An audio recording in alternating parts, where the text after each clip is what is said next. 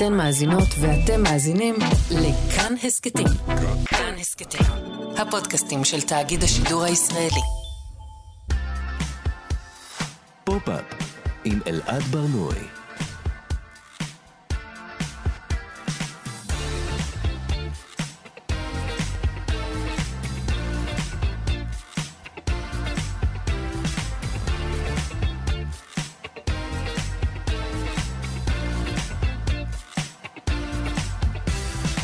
שלום, בוקר טוב, כאן תרבות, אתם על פופ-אפ. בכל שבוע אנחנו מדברים כאן על התרבות שמעניינת באמת, כל יום חמישי בשעה 10, בשידור חי ב-105.3 ו-104.9 FM, ניתן להזין לנו גם כהסכת באתר של כאן, ביישומון של כאן, וביישומוני המוזיקה וההסכתים השונים. אתם מוזמנים גם לעקוב אחרי פופ-אפ באינסטגרם, פופ-אפ במילה אחת נקודה כאן. איתי באולפן טל ניסן שמפיקה את התוכנית וגם עשתה את התחקיר, לצידה טכנאי השידור יובל יסוד, בוקר טוב לכם.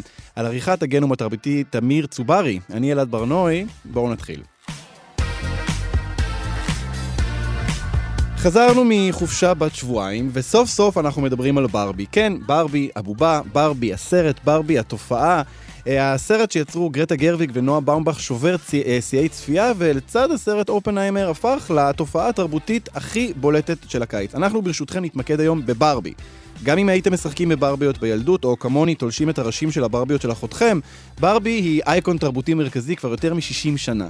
אנחנו נדבר על ההיסטוריה של בובת הברבי, היסטוריה שמתחילה בגניבה ונגמרת באין ספור ניסיונות תיקון. נדבר גם על ההיבטים הצרכניים של הסרט ברבי, שבעצם נועד לשקם מותג שקצת נפגע, וננסה להבין האם מדובר בעצם בפרסומת מאוד, מתוחכמת מאוד, בת 114 דקות. אה, נדבר גם על הצבע ורוד, על הדרך שבה הוא עשה מצבע גברי ואגרסיבי לנשי, הקשר של זה לנאצים ואיך לא לכסף, וגם נציע קריאה מגדרית בסרט. נדבר על האופן שבו כן מיוצג, ונשאל האם הפמיניזם של הסרט ברבי הוא למעשה שנאת גברים. הגנום התרבותי ההיסטוריה של ברבי היא לא רק סיפור של בובה אחת או של חברת צעצועים אחת. זה הסיפור של התרבות האמריקאית כולה. סיפור שמתחיל בהשראה, שלא לומר גניבה, עובר להצלחה מסחרית אדירה, אחריה ביקורת גדולה, ולאחר מכן ניסיונות אינסופיים לתיקונים היסטוריים. בשנת 1945, אליוט ורות הנדלר, זוג יהודים אמריקאים, יחד עם חבר בשם הרולד מאט מאטסון, ייסדו חברה קטנה לייצור מסגרות לתמונות, וקראו לה מטל, שילוב של שני שמות הגברים שניהלו את החברה, מאט ואליוט. רות הייתה הסגנית. ייצור המסגרות הותיר שאריות עץ רבות, והחברה החלה לייצר מהן ריהוט לבתי בובות. מהר מאוד מכירת הריהוט לבתי הבובות הפכה רווחית יותר ממכירת המסגרות, וחברת מטל עברה להתמקד בצעצועים וכלי נגינה שמיועדים לילדים. בסוף שנות ה-50 רות הנדלר ראתה בחנות בשוויץ בובה מתוצרת גרמנית שנקראה בילד לילי. זו הייתה בובה של אישה גבוהה וכתובה, עם פנים חמורי סבר, ובשונה מבובות רגילות לילדות, בעלת חזה נשי. בילד לילי הייתה בובה פופולרית מאוד באירופה, כזו שנותנים מתנה לרווקים, ונועדה לעודד את רוחם של הגברים אחרי המלחמה. אלוהים יודע באיזה אופן. בילד לילי הייתה מבוססת על דמות קומיקס שהתפרסמה בצהובון גרמני בשם בילד. הקומיקס שיצר ריינהרד בות'יאן זכה לפופולריות גדולה בקרב גברים גרמנים. המוציא לאור של המגזין, אקסל שפרינגר, יצר קשר עם מקס וייסברוט, מנכ"ל חברת צעצועים גדולה, ויחד הם הגו את בובת בילד לילי. הבובה נמכרה בשני גדלים, 30 סנטימטר ו-19 סנטימטר. הנדלר לא ידע שהבובה מיועדת למבוגרים, וקנתה אותה לביתה ברברה. על בסיס הבובה הזו נוצרה בובת ברבי, שנקראה על שם ברברה, והוצגה לראשונה בשנת 1959. אגב, בילד לילי המשיכה להימכר עד שנת 1964, כשחברת מטל קנתה סוף סוף את הזכויות עליה. You can be a lover or a fighter, whatever you desire. Life is like a runway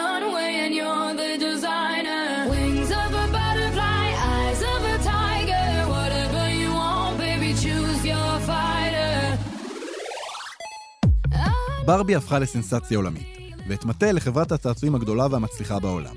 עד היום. לאורך השנים ברבי קיבלה כל מיני חיזוקים, למשל מידג', ברבי הריונית, או סקיפר, ברבי מתבגרת, כלומר הולכת וגדלה. אבל אלה לא החזיקו מעמד. מי שכן החזיק מעמד הוא כמובן קן, בן זוגה של ברבי, שהצטרף אליה בשנת 1961. ברבי המקורית הייתה אישה לבנה, בלונדינית, ללא עיסוק וללא תחומי עניין, מלבד אופנה, ולאט לאט נוספו לה תחומי עניין וגווני שיער נוספים. תנועות חברתיות בארצות הברית השפיעו על בובת הברבי, ובשנות ה-80 הופיעו ברבי אפרו-אמריקאית וברבי לטינית. מאוחר יותר, בשנות ה-90 וה-2000, הופיעו גם ברבי מועמדת לנשיאות ארצות הברית, ברבי בכיסא גלגלים, ברבי חולת סרטן וברבי טרנסג'נדרית, שאמורות לייצג גיוון נשי רחב ככל האפשר.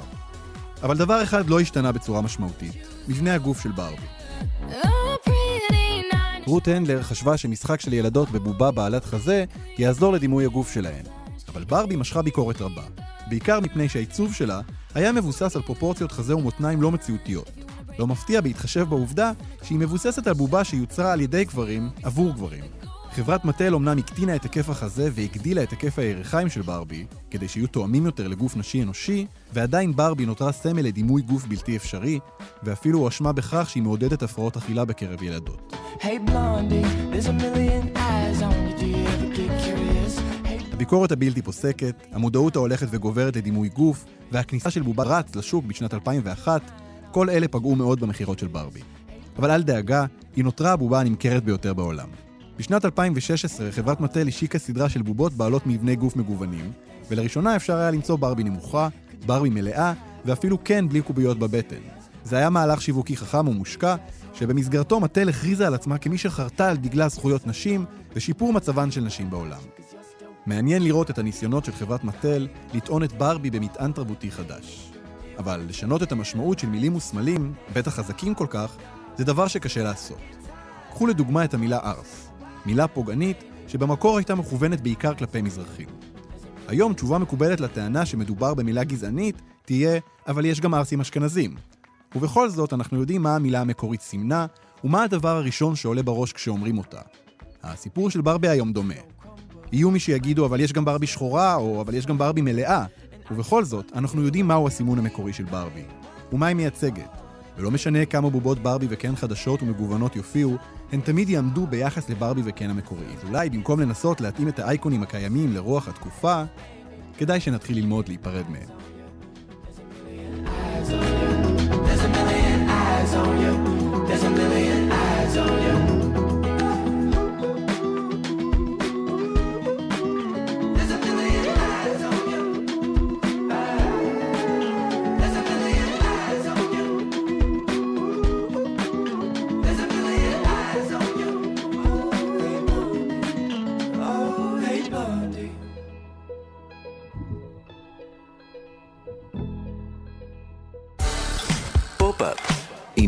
ברנועי. מאחורי הסרט ברבי עומדים שני יוצרים מוערכים מאוד, גרטה גרוויג ונועה באומבך. ביחד הם יצרו סרט עם אה, חזון אומנותי מובהק, עם יד עותר ברורה, מחוות תרבותיות, שפה מעניינת, אבל מאחורי שני היוצרים האלה עומדים עוד כמה אנשים, שלא לומר תאגידים, למשל אולפני האחים וורנר וחברת מטל. אותה חברה שמייצרת את ברבי, חברת הצעצועים הגדולה בעולם, היא הייתה שותפה בהפקה ובפיתוח. אז כמובן שמטרתה של כל חברת הפקות היא שהסרט שלה ירוויח כמה שיותר כסף, וברור שחברת מטל רוצה לחזק את המותג הכי חזק שלה. אבל באופן מעניין, הסרט מכיל ביקורת גדולה על הפטריארכיה ועל חברת מטל בעצמה, שמיוצגת בסרט כאיזה תאגיד רשע ודכאני שמנוהל על ידי גברים אידיוטים. לא בדיוק העלילה הרגילה של פרסומת. אז מה קורה פה? מה בעצם חברת מטל מנסה לעשות, והאם הקפיטליזם יכול להכיל כל ביקורת עליו ולהפוך אותה לכסף? איתנו, כדי לענות על השאלות האלה ועוד אחרות, דוקטור אלי קוק, היסטוריון של הקפיטליזם באוניברסיטת חיפה. בוקר טוב, אלי. היי, בוקר טוב. אלי, כשאתה יצאת מאולם הקולנוע אחרי שצפית בסרט ברבי, באיזו תחושה נותרת? ש... שצפית בטקסט אה, ביקורתי? כן, זה, אני חושב שזה סרט מאוד מבלבל במובן הזה, כי אין ספק שיש שם, לפחות בשעה הראשונה, אחרי זה זה קצת מתדרדר, אפשר לדבר על זה, אבל טקסט מאוד ביקורתי, הייתי אומר שזה אחד הסרטים שמציג אה, ביקורת אה, על החברה הפטריארכלית האמריקאית בצורה הכי מובהקת והכי חזקה שראיתי מזה שנים. אבל באמת קורה כאן משהו מעניין, נכון? כי אנחנו, אנחנו רואים אה, ביקורת על, אה, על, אה, גם על הברבי עצמה, על דימוי גוף, על ה, גם על ההיבטים הצרכניים שלה באיזשהו אופן. אנחנו יושבים וצופים בדבר הזה, אבל בעצם מה שאנחנו רואים זה תהליך של שיקום של מותג שחברה עושה, נכון? חברת מטל עכשיו בעצם, הנה, אנחנו יושב, יושבים ומדברים על המותג שלה ברצינות גמורה. אנחנו רואים כאן איזושהי, אני רוצה לומר, פרסומת של 114 דקות. חד משמעית. אני חושב שיש פה באמת uh, הברקה של הקפיטליזם המאוחר, שהוא זיהה באמת, uh, אני אוהב לדבר הרבה על הסרט וואלי, שאם אתה זוכר את הסרט וואלי, יש תאגיד אחד ששולט בהכל, וואלי זה, זה הסרט, uh, הסרט של דיסני, נכון? עם, ה, עם הרובוט הזה ש... בדיוק, וזה בעצם סרט שכאילו, אתה יודע, דיסני זה במובנים מסוימים תאגיד ששולט בחצי מהעולם מבחינה תרבותית, אז כאילו, זה מתחיל משם, או אתה יכול ללכת אפילו אחורה יותר, אתה יודע, לזה שצ'ה גווארה, אתה יודע, מצד אחד שם אותו בחולצות, מצד שני קפיטליזם כאילו הפך אותו, אתה יודע, לאייקון אה, מסחרי, ולא לבן אדם שאתה ממש קורא את המחשבות שלו וחושב לעשות מהפכה. אז אני חושב שבהחלט יש פה דוגמה אולי הכי קיצונית שאי פעם ראינו, אה, כמו שאמרת בפתיח, היכולת של הקפיטליזם באמת להכיל כל ביקורת. ודבר שני שאני חושב שיש פה, וזה משהו שאנחנו רואים הרבה בשנים האחרונות, זה השילוב הבאמת כמעט מושלם הזה, בין מה שאנשים לפעמים קוראים לו בארצות הברית ווק, אחר, אחרים אנשים קוראים לזה, אתה יודע, פוליטיקת זהויות אפשר לקרוא לזה. הטרלול הפרוגרסיבי יהיו כאלה שיגידו. בדיוק, לבין uh, ערכים קפיטליסטיים תאגידיים, כלומר בסופו של דבר, המחשבה שלי היא שכל עוד הסרט מתמקד, מתמקד בביקורת ליברלית על נשים, על ביקורת, אתה יודע, על היכולת שלהם להיות כמו גברים, וזה דברים שנשים רדיקליות אומרות כבר, אתה יודע, 50 שנה, ולא מדברים על דברים יותר מעמדיים, לא מדברים על אי שוויון, לא מדברים על זיהום אוויר, לא מדברים... אז אני חושב שזה עובד להם. כלומר, בסופו של דבר, הם רק צריכים אז להגיד שברבי היא בעצם לא מדכאת נשים, היא אלא מחזקת אותם, וזהו, אפשר לקחת את כל הביקורות על הפטריכליות ולהכיל אותם בתוך, אה, אתה יודע, בסוף אה, מוצר, אה, והם לא יהיו הראשונים שעשו את זה, אבל באמת אני מסכים איתך שזה כבר, זה כמעט להשתין מהמקפצה כשאתה רואה את הסרט, זה באמת מדהים. זה, זה, זה, זה, כמו, זה, זה כמו תנור שמנקה את עצמו באיזשהו אופן, נכון? כלומר, יש כאן מנגנון של הקפיטליזם להכיל את הביקורת ולבוא ולהגיד, תראו, אנחנו, אנחנו מציגים את עצמנו באופן ביקורתי, אבל, אבל בעצם אני, אני מנסה לחשוב, האם בכלל אפשר היום ליצור יצירה תרבותית, בטח סרט או, או סדרה, אמ, שתחתור תחת... אה, הדברים האלה שהעלית, שתדבר על מעמד באיזשהו אופן שהוא יוכל להיות ביקורתי באמת, הרי הדברים האלה נוצרים בתוך תאגידים, תמיד. הם נוצרים בתוך תנאי ייצור בעייתיים. כן. איך בכלל יצירה תרבותית יכולה לעמוד מול הדבר הזה? אה, לדעתי אפשר, אתה יודע, יכולנו לראות אולי את האנשים שאשכרה בונים במפעלים אה, את הברבים עצמם, היו יכולים אולי לדבר על הנשים האנורקסיות, שאתה יודע, לברבי אין אחוז שומן בשביל לקבל מחזור, אה, ואתה יודע, יש הרבה דברים, ואנחנו מקבלים את זה באיזה, אתה יודע, נאום של איזה בחורה צעירה באמצע הסרט, אבל אחרי זה, אתה יודע, בסופו של דבר זה לא העיקר. ודבר שני, אני חושב שהסרט מאוד מתוחכם, כי הוא גם, הוא פונה לאיזשהו נוסטלגיה, וצריך להגיד, הוא פונה כאילו לאישה היהודייה שהקימה את מטל, כן. וכאילו מציגים אותה כאילו היא לא הייתה תאגידית, כאילו זה היה איזה משהו טהור, נכון. וזה מאוד מאוד, קודם כל זה שקר מוחלט, היא הייתה אישה תאגידית, גנבה את הרעיון מגרמניה, כלומר האישה הזאת, זה שהיא הייתה אישה, ועוד כמובן, יש פה כמובן משחק של, אתה יודע, איזה corporate feminism כזה, שכל עוד נשים עושות את כל הדברים האלה, זה בסדר, זה מדהים, ורק כשגברים עושים את זה, זה רע, אבל אני חושב שבסופו של דבר, היא הדמות המפתח, היא הלב של הסרט, וככה הם יכלו לכאורה להכיל פה איזשהו נרטיב אנטי-תאגידי, שבעצם הוא הכי תאגידי שיש. אני חושב על עוד דמות בסרט, וזה הדמות של אה, ברבי המוזרה. היא כאילו הברבי המפוקחת, שהיא כן. מבינה שהכל זה כן. הצגה, היא, היא מזכירה דמויות mm. שכאילו חושפות את השקר של העולם, כמו קורט קוביין, כמו דויד פוסטר וואלאס, אבל הם, בסוף הדמויות האלה הופכות ממש למוצרי צריכה הכי פופולריים שיש, ואגב, אני ראיתי טישרטים שכתוב עליהם, um, Weird Barbie is my Barbie, הברבי המוזרה היא הברבי שלי. כלומר, הסרט, גם כאן, הוא מייצר את, ה, את, ה, את, ה, את המנגנון הזה, שיש דמות שכאילו רואה את השקר, רואה את הרשת הזו שכולנו לכודים בה, והוא אומר, זה בסדר, הנה, יש את הרשת, אבל בואו תקנו את החולצה שלי.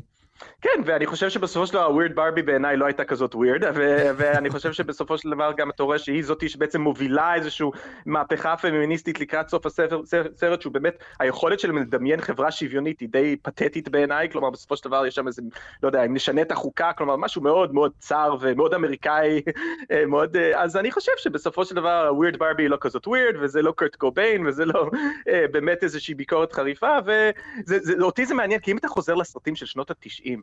אה, נורא מעניין לראות כמה סרטים, היה באמת ביקורת על הצרכנות האמריקאית, אתה יודע, אם זה סרט כמו פייט קלאב או אמריקן ביוטי, וזה לחלוטין נעלם, כלומר, פשוט לא רואים את זה יותר, והיום כשאני רואה סרטים משנות ה-90 וזה, אתה פשוט, זה בולט לך, ששם יכולת לראות ביקורות יותר חריפות, ובסופו של דבר היום אנחנו באמת נשארים יותר אה, אה, עם, אה, עם ביקורות של ברבי, וגם שים לב שמצד אחד זה נורא מתוחכם, נהפוך את מטל לכזה, אתה יודע, חברה תאגידית עם כל מיני גברים, אבל מה, הם יהיו אידיוטים, אתה מבין?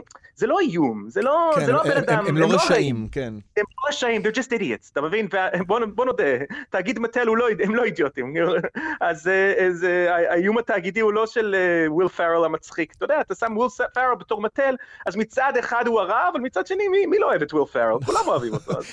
אבל יש כאן איזה מלכוד, לא? כי הרי גם Fight Club, גם סרטים שיש בתוכם ביקורת גדולה, גם הם, בסופו של דבר, אתה יודע, הם עושים בדיוק את אותו דבר. גם שם יש חברת הפקות שמרוויחה המון המון כסף, גם הסרט הזה הופך להיות כל הדברים האלה שאנחנו מדברים עליהם. כלומר, יש כאן איזה מלכוד כאילו שהקפיטליזם בולע את הכל והופך אותו להפיק הכנסה.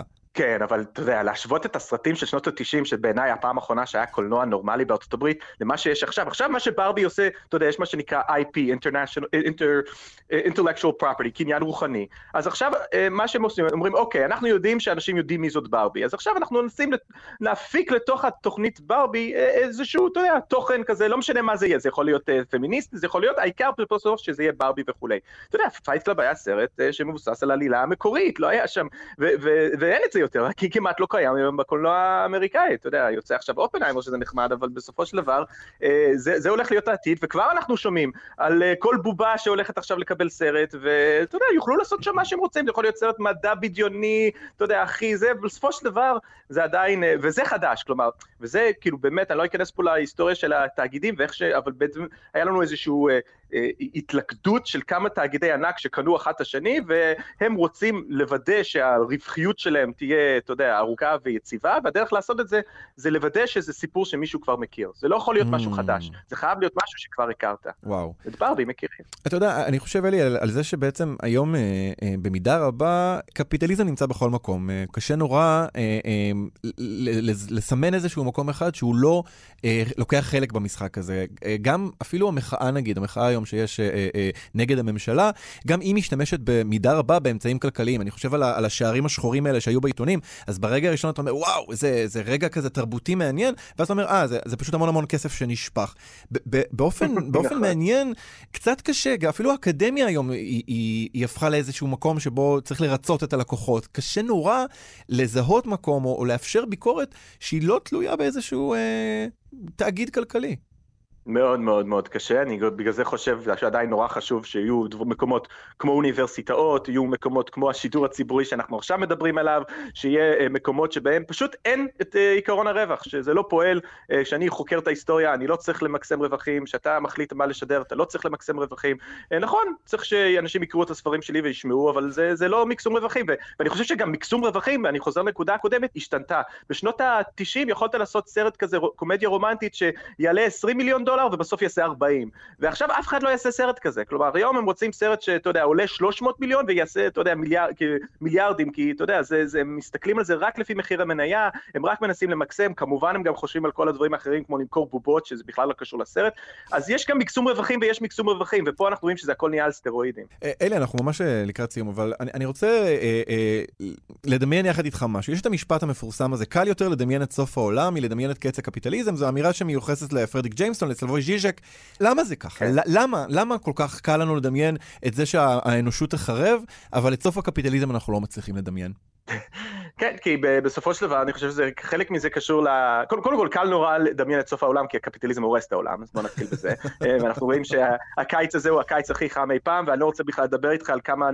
הכרך נמס כרגע בקוטב הצפוני, כי אני לא ישן בלילה בגלל דברים כאלה, אבל בסופו של דבר אני חושב שבאמת, כמו שציינו קודם, מאוד מאוד מאוד קשה היום לדמיין אלטרנטיבות. בסופו של דבר, מאז, עם כל הדברים הרעים שהסובייטים עשו, ובאמת, אני ממש לא מאחל קומוניזם, אבל זה, אתה יודע, היה תקופה שהיה לכאורה אלטרנטיבה, אנשים יכלו לדמיין, אנשים חיים, בין אם זה חיים רעים, לפחות יכלו לדמיין אופציה אחרת. ומאז שנות ה-90, סוף שנות ה-90, קשה, קשה לעשות את זה, ואני חושב שזו הסיבה העיקרית, ו- וכמובן, כמו שציינת עכשיו, שאתה יודע, שכל דבר הוא בעצם נגוע בכוחות של השוק, וכמעט בכל מקום, בין אם זה באוניברסיטה, או גם אם זה אה, בטלוויזיה או בסרטים, הכל ככה, כל כך, כל כך, כל כך אה, מוכוון אה, רווח, אז אה, כן, זה, זה, זה מקשה עלינו, ו- מקשה עלינו. ומה מה אתה, נגיד, מה תאמר לסטודנטים שלך? מה, איזה, איזה עצה אתה יכול לתת להם כדי להצליח כן לפתוח את ה... לצאת מהחור השחור הזה וכן להצליח לדמיין משהו אחר? יש לך איזושהי עצה לתת לנו? כן, אני חושב שאולי זה לא הזמן לדמיין את הסוף של הקפיטליזם. אה, אתה יודע, אני חושב אפילו הייתי מעורב בכל מיני אה, ארגונים במכון ון ליר של כזה פוסט-קפיטליזם, לדמיין את החיים אחרי הקפיטליזם, כן. ושמתי לב שהרבה בעלי הון, עשירים, אהבו נורא את הפרויקט הזה, כאילו דיברו איתי, היו מאוד סקרנים, ואז אני כאילו מדבר איתם, ופתאום אני קולט, אה, רגע, אם אני מדבר על הפוסט-קפיטליזם, אני לא מדבר על זה שאולי אתה צריך לשלם יותר מיסים. אני לא מדבר על זה שאולי צריך, אתה יודע, דברים יותר... אה, כלומר, אז, אז דווקא אני חושב שצריך צריך להפסיק לדבר אולי קצת, כלומר, אפשר לעשות את זה כי, אתה יודע, משהו מגניב, לפתוח את הראש, אני בעד, אבל מבחינת פרויקט פוליטי, אני חושב שאנחנו צריכים באמת לחזור לדברים היותר סוציאל דמוקרטיים שעבדו בעבר, אתה יודע, כמו שהעשירים ישלמו יותר מיסים, שיהיו יותר רגולציות על תאגידים, שיחליש את כוחם, ואז אני חושב מתוך המציאות החדשה הזו, אז אולי כבר נוכל אה, לקחת את הצעד הגדול הבא. כרגע זה קפיצה קצת גדולה, גדולה מדי. רק המושג פוסט-קפיטליזם מעיד על זה, אנחנו אפילו לא יכולים לדמיין משהו אחרי זה, אנחנו קוראים לזה פוסט-קפיטליזם. טוב, ב baby steps אנחנו נעשה את הדבר הזה. דוקטור אלי קוק, היסטוריון של הקפיטליזם באוניברסיטת חיפה, תודה רבה לך על השיחה הזאת. תודה לכם, ביי. פופ-אפ עם אלעד ברנועי. מגיל קטן אומרים לנו שמי שמשחקת בברבי היא ילדה, ומי שמשחק בברבי, ובכן, הוא גם ילדה. אה, והסרט ברבי מקיים דיון מגדרי מאוד מעניין בדיוק על הדבר הזה. הוא חוצה את העולם, גם העולם האמיתי וגם את ארץ ברבילנד, לגברים ולנשים, ומעניין לבחון דווקא את האופן שבו הגברים מיוצגים בסרט. יש מעין היפוך בין המציאות הקיימת למציאות הוורודה והפנטסטית בעולם הברביות. הגברים, כלומר, כן, מתקיימים רק כשברבי מביטה בהם. הם חלשים, תלותיים, אין להם עבודה, אין לקיום שלהם משמעות. כשברבי וקן מגיעים לעולם האמיתי, כן מגלה דבר נפלא. פטריארכיה.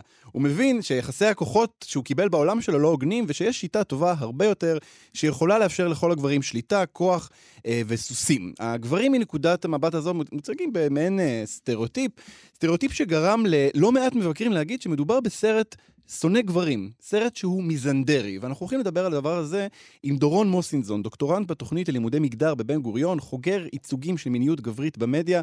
בוקר טוב, דורון. בוקר טוב, שלום. שלום. דורון, בואו ממש נתחיל מהדבר עצמו. אתה חושב שברבי זה סרט מיזנדרי? אתה חושב שהאופן שבו כן מיוצג, אה, מייצג שנאת גברים?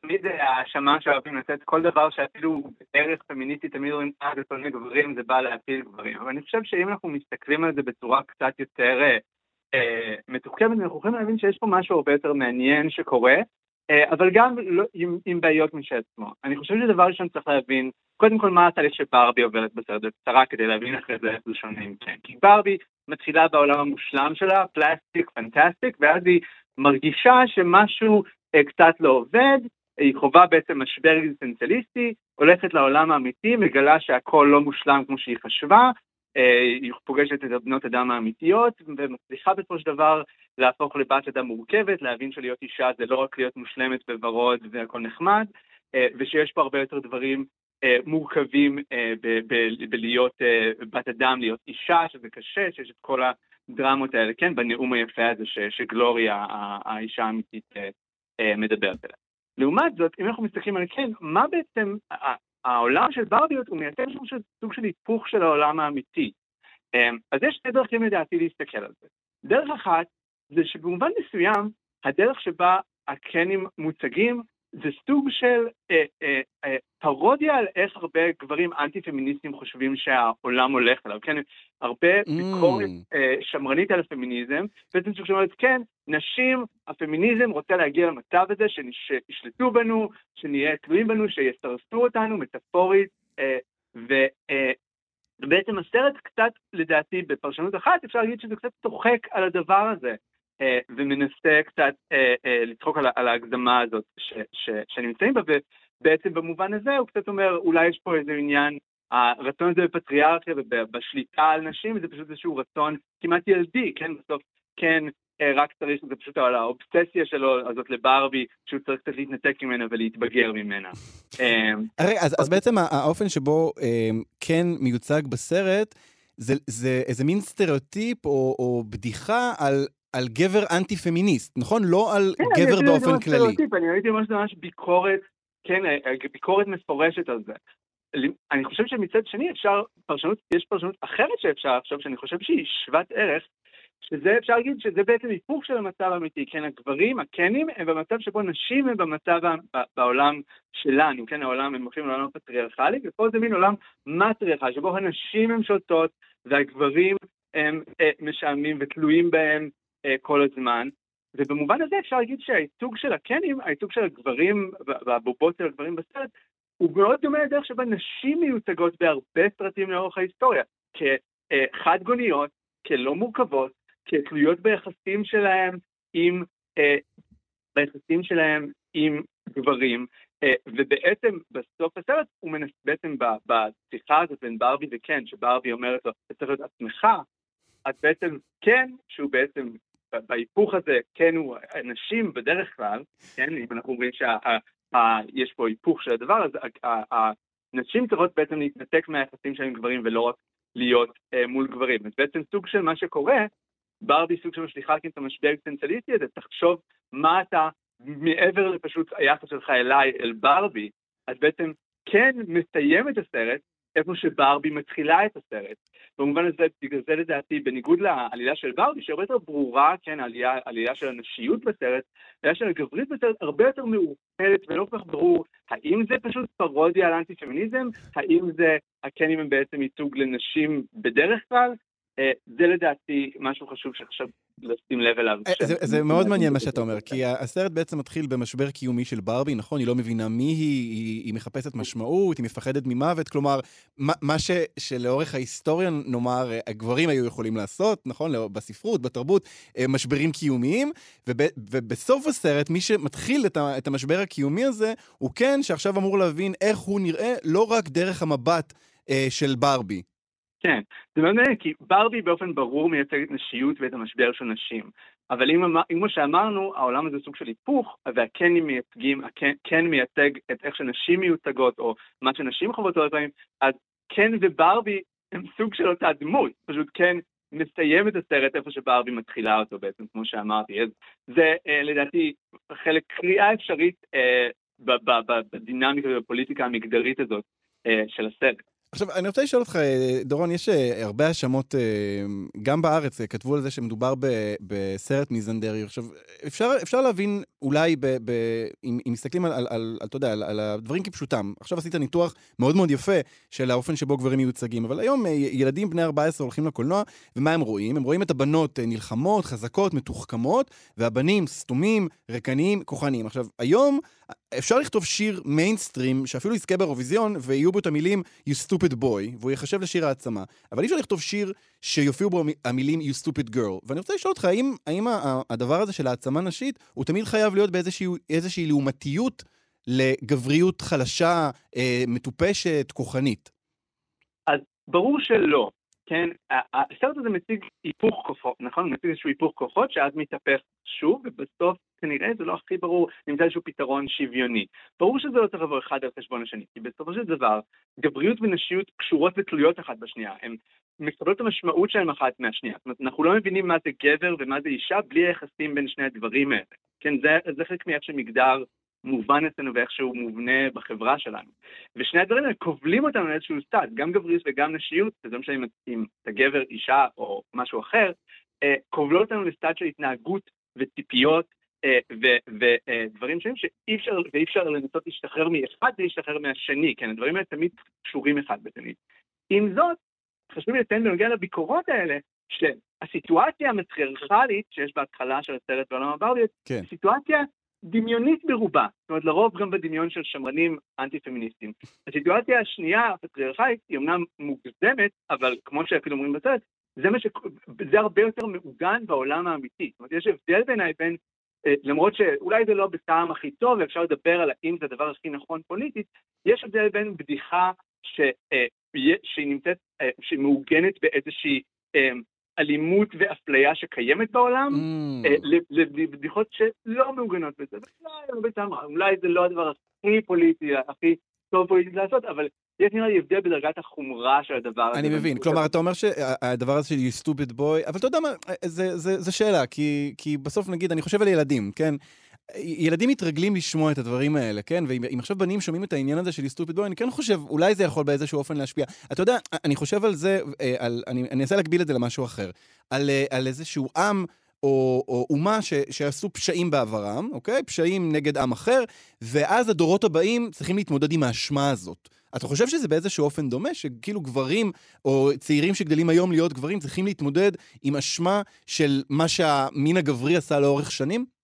זה מעניין, אני, אני לא בטוח שזה ככה, שזה בדיוק, ההשוואה בדיוק מדויקת, כי זה, כי בדוגמה, בדימוי שלך, זה משהו שקר, שההורים שלו עשו, ועכשיו הוא צריך להתמודד עם משהו שהוא לא קשור אליו. אבל אנחנו, כולנו, כגברים, אה, כנשים, מעורבים עדיין בתוך המגדר הזה, בתוך הפוליטיקה המגדרית, אנחנו צריכים לקחת אחריות לא על משהו שהדורות הקודמים עשו, משהו, דברים שאנחנו עושים. Mm. עם זאת, אני מבין את הביקורת שלך, וכמו שאמרתי, אני חושב שזה, שכן צריך לחשוב, בסופו של דבר כן רוצים, אי אפשר להרחיב את המנעד של, של, להיות אישה ולשחרר נשים מהציפיות. ואני חושב שאני מביא את אותו דבר לגברים, כי גבריות, כמו שאמרתי, גבריות ונשיות קשורים אחד בשני. ואני הייתי רוצה לראות יותר אה, אה, ייצוגים אה, לגבריות שהיא רגישה, לגבריות שהיא מורכבת. כן, הנאום היפה הזה שגלוריה עושה בסרט על להיות אישה זה מלא במורכבות, זה מלא במצפים איך להיות גם זה וגם זה וגם זה וגם זה בהיפוך ובמתחים לכל מקום. אני יכול לדמיין בסרט אחר אולי אה, אה, נאום פמיניסטי לא פחות ומשמעותי לא פחות על גברים ועל הדרישות מגברים, להיות קשוח, להיות חזק, להיות תחרותי, להיות מקום ראשון, אבל גם להיות רגיש, אבל גם להיות זה, כל הדברים האלה, הן סוגיות שהן פמיניסטיות, ואי אפשר לנתק בעיניי בין השחרור של גברים מהדבר הזה, מה, מהסד הזה של גבריות שקושר אותנו, שאנחנו חייבים להיות חזקים ולא לבכות, ולהנהיג ולנצח ולהיות הכי הכי וכל מיני דברים, ולשלוט באחרים ולהפעיל אלימות כלפי אחרים, אם אנחנו לא משחררים את גברים מזה, אז נשים לא ישתחררו מזה גם, ולהפך, כן? הגורלות שלנו קשורים אחד לשני, כי מגדר הוא תמיד קשור אחד לשני. דרון, אנחנו ממש לקראת סיום, אבל אה, אתה יודע, אתה מדבר ואני חושב לעצמי עכשיו שהדבר הברור ביותר והמובן מאליו שהולך לקרות, זה שיהיה סרט המשך שהוא מבוסס על כן. כלומר, סרט שיתחיל כן. מהמשבר הקיומי של כן. אמ, עכשיו, בסרט כן מציגים את כן, אתה יודע, ברגישות, אבל מין רגישות של, אה, של גברים דושים כזה, נכון? שהוא מסתכל לה בעיניים, והוא כן. מנסה לנגן לשירים, ובלתי נסבל כזה. אמ, אבל, אבל איזה, איזה, לאיזה נתיב היית לוקח אותו? לאיזה בירור היית לוקח אותו בסרט אה, העצמה גברית חדשה כזאת? וואו, איזו שאלה מעולה. אני חושב שקצת דומה למה שאמרתי עכשיו, שאני חושב שזה יהיה מאוד משמעותי אם יהיה איזשהו סרט שבאמת כן חווה את אותו משבר אינטנסיטי שברבי חווה, ומבין ש, אה, ש, שהוא צריך, זה אולי הרבה יותר מורכב אה, כמובן ממה שאולי יכול להציג בסרט שהוא אה, על ברבי, שהוא של ברבי, של חברת תאגיד ענק, אבל לדבר על המורכבות של גבריות והחשיבות של להתנתק מהאלימות ולהתנתק מהרצון בשליטה ולהתנתק מהדברים האלה שאומרים לך שאתה לא צריך לעשות דברים כדי לא לתת אישה, כדי לא לתת הומו, שזה אותו דבר כמובן בתרבות שלנו, כן, להיות אישה ולהיות הומו, כן. שני הדברים הכי בזויים שגבר יכול להיות. ברגע שיהיה להתנתק מזה, ברגע שיהיה אפשר להביא, להסתכל, שגברים אה, יוכלו להסתכל על נשים אה, כלא אה, רק אובייקטים אה, מיניים או רומנטיים, אלא כבני אדם אה, ששונים מהם בדברים מסוימים, אבל לא, לא, הם לא זן אחר, כן, אנחנו לא שני זנים ביולוגיים אה, אחרים, אה, מאדים ונוגה, אלא פשוט סוגים שונים של בני אדם שצריכים, שיש רב, רב הדמיון על השוני, וצריך לבנות את הדברים האלה מחדש ולהתנתק ולעשות קצת deprogramming של כל ה... דברים ש, שהיו לנו, שאנחנו שומעים מילדות. כן, טוב, הכל מתחיל מהמחשבה הרדיקלית הזאת שאנשים הם ממש בני אדם. אה, דורון מוסינזון, דוקטורנט בתוכנית ללימודי מגדר בבן גוריון, תודה רבה לך על השיחה הזאת. תודה רבה לך.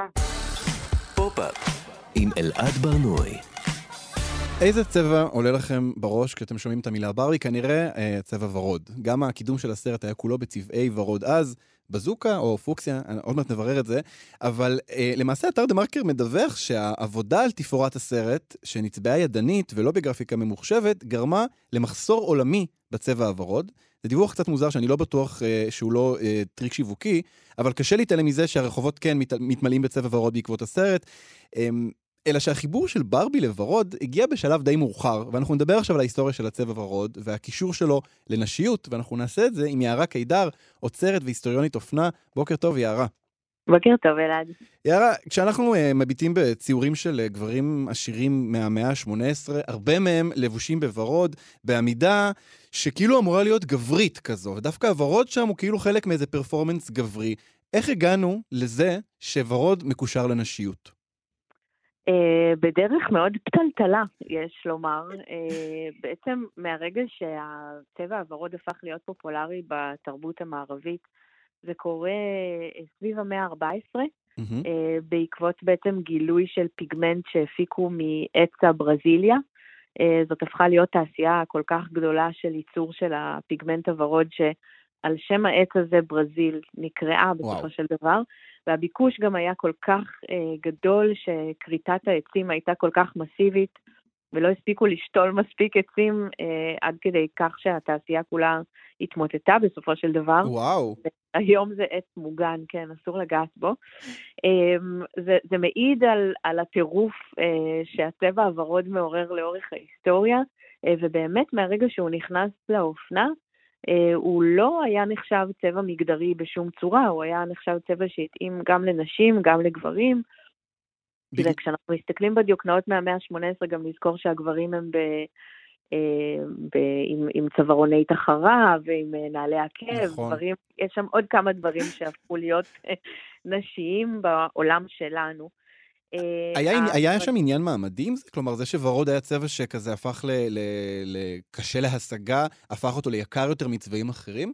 לגמרי, זה היה פיגמנט מאוד מאוד נחשק, וכדי אה, להשיג אותו היה צריך לעבוד מאוד קשה, לשלם הרבה כסף.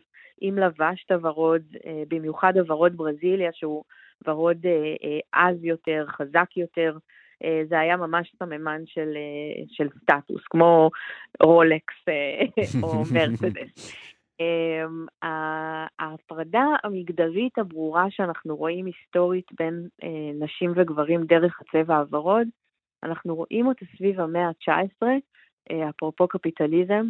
Uh, עליית הקפיטליזם יצרה הפרדה מעמדית מאוד ברורה מגדרית בין גברים ונשים. גברים הפסיקו ללבוש את כל צבעי הפסטל, הוורוד והתכלת, הם עוברים לחליפות המחויטות, שדי לא השתנו עד ימינו, אפשר להגיד. אה, ואת הצבעים המקושטים אה, והמתקתקים בעצם הם, הם מעבירים לנחלתן של הנשים. אבל ורוד בעצם לא היה, הוא לא היה נחשב למתקתק בעבר. כלומר, יש כאן איזה, איזה שינוי גם בתפיסה של מה זה אומר, לא? כלומר, אני, אני מנסה להבין למה, למה במאה ה-19 החילו ללבוש את הבגדים הכהים האלה. זה קשור לעבודה? זאת התנגדות מאוד מוחלטת לכל מה שהיה במאה ה-18, אם נחשוב uh, על ארמון ורסאי, על תקופת הרוקוקו, על צבעים שהם קצת מנותקים מאיזה רצינות mm. uh, uh, וכל מה שקשור במה אחר כך להיות גבר בעולם שלנו. ולכן גברים מפסיקים לנעול נעלי עקב, הם עוברים לחליפות המחויטות. הצבעים האלה, כן, הופכים להיות ההגדרה של משהו שהוא יותר נשי ורך, לעומת, אה, אה, זה בסך הכל 100 שנה קודם לכן, שזה היה נחשב צבע שהוא גברי. אבל עדיין אנחנו רואים היסטורית שזה תהליך שלוקח זמן אה, להפוך את זה לצבע שמתאים לנשים. זאת אומרת, אם נחשוב, המקום שהכי בולט לנו, אני חושבת שאנחנו יכולים ללמוד ממנו, זה בבגדי ילדים. נכון. כי היום אנחנו, אנחנו פשוט לא נראה ילד, נכון? לא נראה תינוק בוורוד, זה, זה דבר כל כך מוזר. לא, היום כשמנסים לערער על זה, אז ייתנו ל... ישימו צהוב, שזה כאילו נחשב לאיזה, וואו, חצייה, כן. חציית גבולות כזו. אפור, כן. אמ, זה, זה משהו שבעצם אנחנו רואים אותו מתחיל להתפתח בתחילת המאה ה-20, אה, סביב ההתפתחות של תעשיית בגדי הילדים והתינוקות, כי נזכור שבעצם עד סביב מלחמת העולם הראשונה, אה, ילדים וילדות היו מתלבשים אותו דבר, ילדות היו, היו לובשות כחול, אה, בנים היו לובשים שמלות, זה ממש לא משהו שהיה אה, נכון היסטורית, החלוקה הזאת של כחול לבנים וורוד לבנות, ואנחנו רואים את זה רק הולך ומתפתח ככל שתעשיית בגדי הילדים מתפתחת, ובהמשך הפוש הגדול של הצבע הוורוד כמפריד מגדרי מגיע בשנות החמישים, אחרי מלחמת העולם השנייה. ושם אנחנו רואים שיש איזה צורך חברתי מאוד מאוד עמוק ליצור הפרדה ברורה בין מהו מקום של גבר בעולם ומהו Mm. מקום של אישה. לעשות קצת ומהו סדר. המקום של האישה, אם לא הבית והמטבח. אבל יערה, את, את, הזכרת את מלחמת העולם השנייה, ואני ישר חושב על, ה, על המשולש הוורוד שהאסירים אה, ההומוסקסואלים היו, אה, היו צריכים אה, לענוד נכון. במחנות. יכול להיות שזה גם קשור לזה? ההתייחסות לצבע הוורוד הפכה להיות כמשהו שהוא מסמן נשי, גוף נשי. אנחנו נזכור שבמקרה של הסימון של הומוסקסואלים ב- אה, במלחמת העולם השנייה, זה משולש ורוד. אה, אה, Mm. זאת אומרת, יש כאן... אה, כלומר, זה אמור לדמות את האיברים האינטימיים, הנשיים. לגמרי. אה, כשאגב, ACT UP, הארגון אה, למלחמה אה, אה, באיידס, מאמצים את המשולש הוורוד אה, כסמל הארגון שלהם ומסתובבים אותו כלפי מעלה. וואו. אנ- אנחנו רואים את הוורוד הופך להיות מזוהה עם איזה מין עולם של אה, אה, נשיות, של תמימות, אנחנו רואים את הוורוד נכנס בתקופה הזאת גם אל ההלבשה התחתונה, אה, שזה לא משהו שהיה מקובל היסטורית, אגב, ההלבשה התחתונה נקראה לבנים, נכון. כי המ- הבגדים היו לבנים. נכון. יש בזה, יש בזה היגיון. ו- ובעצם בתוך כל זה, נכון, ברבי לא התחילה בתור ורודה, אבל מתוך ההסבר שלך זה ברור מאוד למה היא הפכה לכל כך מזוהה עם הצבע ורוד. היא הפכה- היא להיות, אבל זה מדהים לראות שזה קורה, אה, זה מגיע בשנות ה-80. כי כשברבי נולדה ב-1959, רות הנדלר אה, ממציאה אותה אה, בבגד ים בפסים שחור לבן. נכון. זו- זאת הייתה הברבי הראשונה. וכשמסתכלים על מה לובשת ברבי, שנולדה נולדה כאייקון אופנה, אי אפשר להכחיש את זה, היא לובשת בשנות ה-60 וה-70 את כל הצבעים שבעולם, כולל כחול, כולל Mm. צהוב.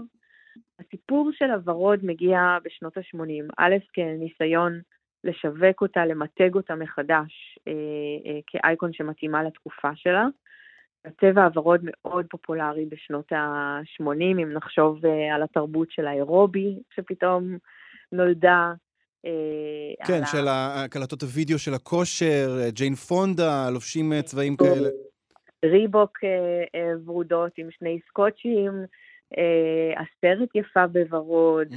אה, הקליפ של אה, מדונה, Material Girl. נכון, נכון, ומרלין מונרו כמובן. אבל יערה, אנחנו ממש לקראת סיום, ואני כן רוצה לשאול אותך שאלה כזו. עכשיו אנחנו רואים את הוורוד מאוד מאוד אה, אה, חוזר אה, לאופנה, גם בעקבות הסרט ברבי, אבל לא רק, יש איזה עניין עם ורוד כאיזו אמירה מחאתית, נכון? הרבה ראפרים ו- ושחקנים וזמרים מתלבשים בחליפות ורודות, כאילו כדי להגיד אה, אה, איזשהו משהו מחאתי כזה דרך הוורוד. את חושבת ש- שהוורוד הזה עכשיו יכ- באמת יכול להפוך להיות סמל אה, מחאתי, או, שהוא, או שאנחנו כאילו מין נחזור לאיזה מין ברביות ורודה, מתקתקה אה, וכנועה?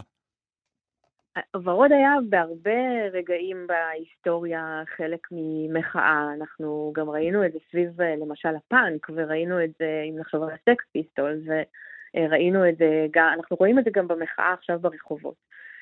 השימוש בוורוד של עכשיו, הוורוד ברבי הזה, לי הוא לא מרגיש ורוד של מחאה, הוא מרגיש לי אה, ורוד של איזה סוג של התנתקות מוחלטת.